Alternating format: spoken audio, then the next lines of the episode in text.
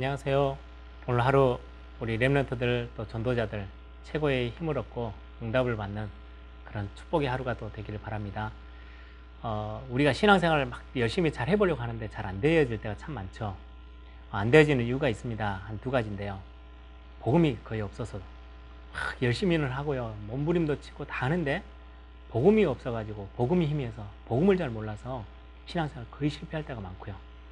복음 너무 잘 알고 있는데 왜 나는 잘 안 됩니까? 규모가 없어서. 어, 뭔가 담을 그릇이 없는 거죠. 그릇이 없으면요. 복음에는 막 뜨거운데요. 응답받을 만한 그릇이 준비 안 돼 있으면 또 잘 안 되어지는 겁니다. 또 성공한 사람들을 보면요. 규모 이런 거참 엄청나게 잘 만들어져 있는데 그릇은 잘 준비되어 있는데 전혀 복음이 없어요. 그래서 또 안 되어지고 무너지는 경우가 참 많이 있죠. 그래서 올해 들어오면서 계속 나오는 메시지들 특히 우리 랩런트들 기억하셔야 됩니다. 복음이라는 가장 최고의 것을 이거 하나 없어가지고 다 무너지잖아요. 만 가지 것들을 다 알고 있으면서 복음 하나 몰라서 만 가지 것싹 다 놓치고 있는 게 세상입니다. 근데 우리는 한 가지를 가지고요. 만 가지를 다 회복할 수 있는 힘이 복음 안에 다 있습니다. 그래서 이 복음을 이제는 최고의 그릇인 엘리트라는 그릇에 담아라. 이게 복음 엘리트입니다. 그래서 저와 여러분이 어, 이 답을 딱 찾아내야 되겠는데요. 엘리트로 가는 가장 엘리트들이요 가장 기본적으로 하는 게 기록입니다. 메모하는 습관. 한번 여러분들 주변에 한번 잘 성공하는 사람들 불신자든 신자든 엘리트들 한번 봐보세요. 꼭 메모하고 기록하는 습관들을 꼭 갖고 있습니다. 자기 삶을 스케줄을 관리하고 체크하고 반드시 굉장히 중요한 어, 규모이고 습관입니다. 오늘 거기에 맞는 어, 중요한 부분들인데요. 여러분들 오늘 랩런트들 특히 우리 전도자들은 한 시대를 살릴 어, 중요한 복음 엘리트들이기 때문에 꼭 찾아내야 될 부분입니다. 오늘 제목은 전도자의 일기입니다. 이건 오늘은 꼭 어, 단순히 메시지로 생각하지 마시고 꼭 실천할 어, 굉장히 중요한 메시지죠. 어, 시편 5편 1절에서 12절인데 제가 1절부터 3절까지 읽겠습니다. 여호와여 나의 말에 귀를 기울이사 나의 심정을 헤아려 주소서. 나의 왕 나의 하나님이여 내가 부르짖는 소리를 들으소서. 내가 주께 기도하나이다. 여호와여 아침에 주께서 나의 소리를 들으시니 아침에 내가 주께 기도하고 바라리이다. 아멘. 다윗은 아침마다 왕임에도 불구하고 아침마다 하나님 앞에 기도했던 아침을 회복했던 사람 중에 한 사람이죠. 서론을 함께 보겠습니다. 성공한 인물들은 자신의 기록을 반드시 남겨놓습니다. 특히 에디슨 같은 그런 위대한 사람은요, 3천 권이 넘는 기록을 자신의 기록을 후대, 후대에 남겼다고 하죠. 어릴 때부터 기록하는 습관을 가지면 평생을 지속할 수 있습니다. 특히 전도자가 자기 기록을 남길 수 있다면 시대를 살리는 응답을 받게 되고 후대까지도 영향을 줄 수 있는 사람으로 서게 되겠죠. 첫 번째입니다. 그렇다면 어릴 때 각인된 것, 각인이라는 거 아시죠? 도장에 새겨지듯이 딱 박혀 있는 거예요. 어릴 때 각인된 것이 평생을 좌우하게 됩니다.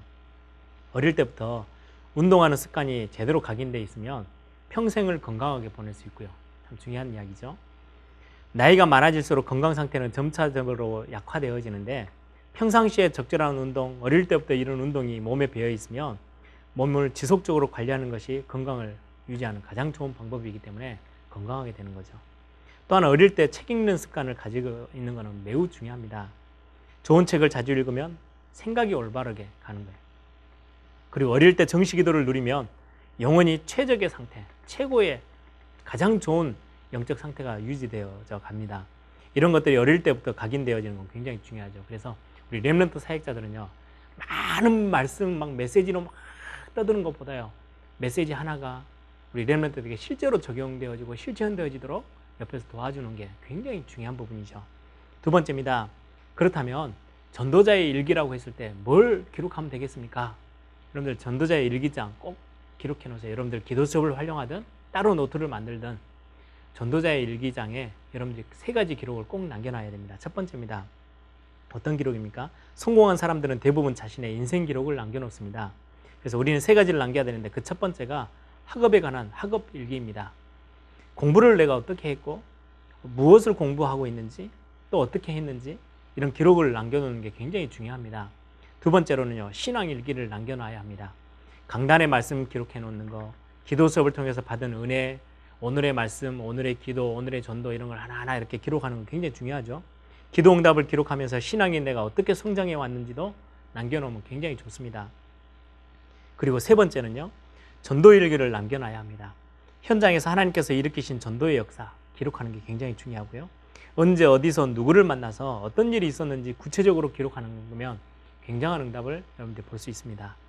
만약 의사 누가라는 사람이 자신의 전도 일기를 남겨놓지 않았다면 2000년이 지난 지금 우리는 성경적인 전도 못 발견할 거잖아요. 오늘 사도행전에 나타난 전도 현장의 역사를 전혀 많은 사람들이 모르고 있었을 거예요. 다 응답을 놓쳤겠죠. 하나님이 그한 사람 기록하는 그거를 가지고요. 시대를 바꾸는 응답의 현장으로 만드셨습니다. 그렇다면 마지막 세 번째입니다. 주간 스케줄을 여러분들이 꼭 기록하고 체크해 보세요. 매일 스케줄을 기록하고 생활을 해야 합니다.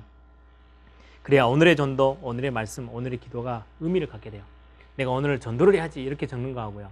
오늘 내가 만나는 사람이 누군지, 어떤 약속이 있는지, 내가 하는 일이 뭔지, 오늘 내가 뭘 해야 되는지 쭉 스케줄을 적어 놓고요.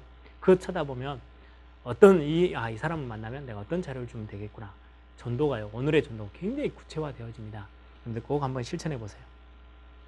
이때 모든 만남이 의미 있는 축복으로 바뀌게 되고 학업과 생업의 전문성을 찾는 일에도 의미를 갖게 됩니다.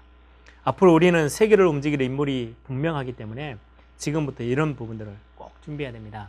제가 대학 어, 지교회 사역하는 우리 사람들 또 대학 어, 총무들을 잠깐 잠깐 만나면서 제가 그런 이야기를 했습니다. 어, 지교회 가서 막 메시지를 퍼붓는 것보다 훨씬 중요한 게 뭐냐?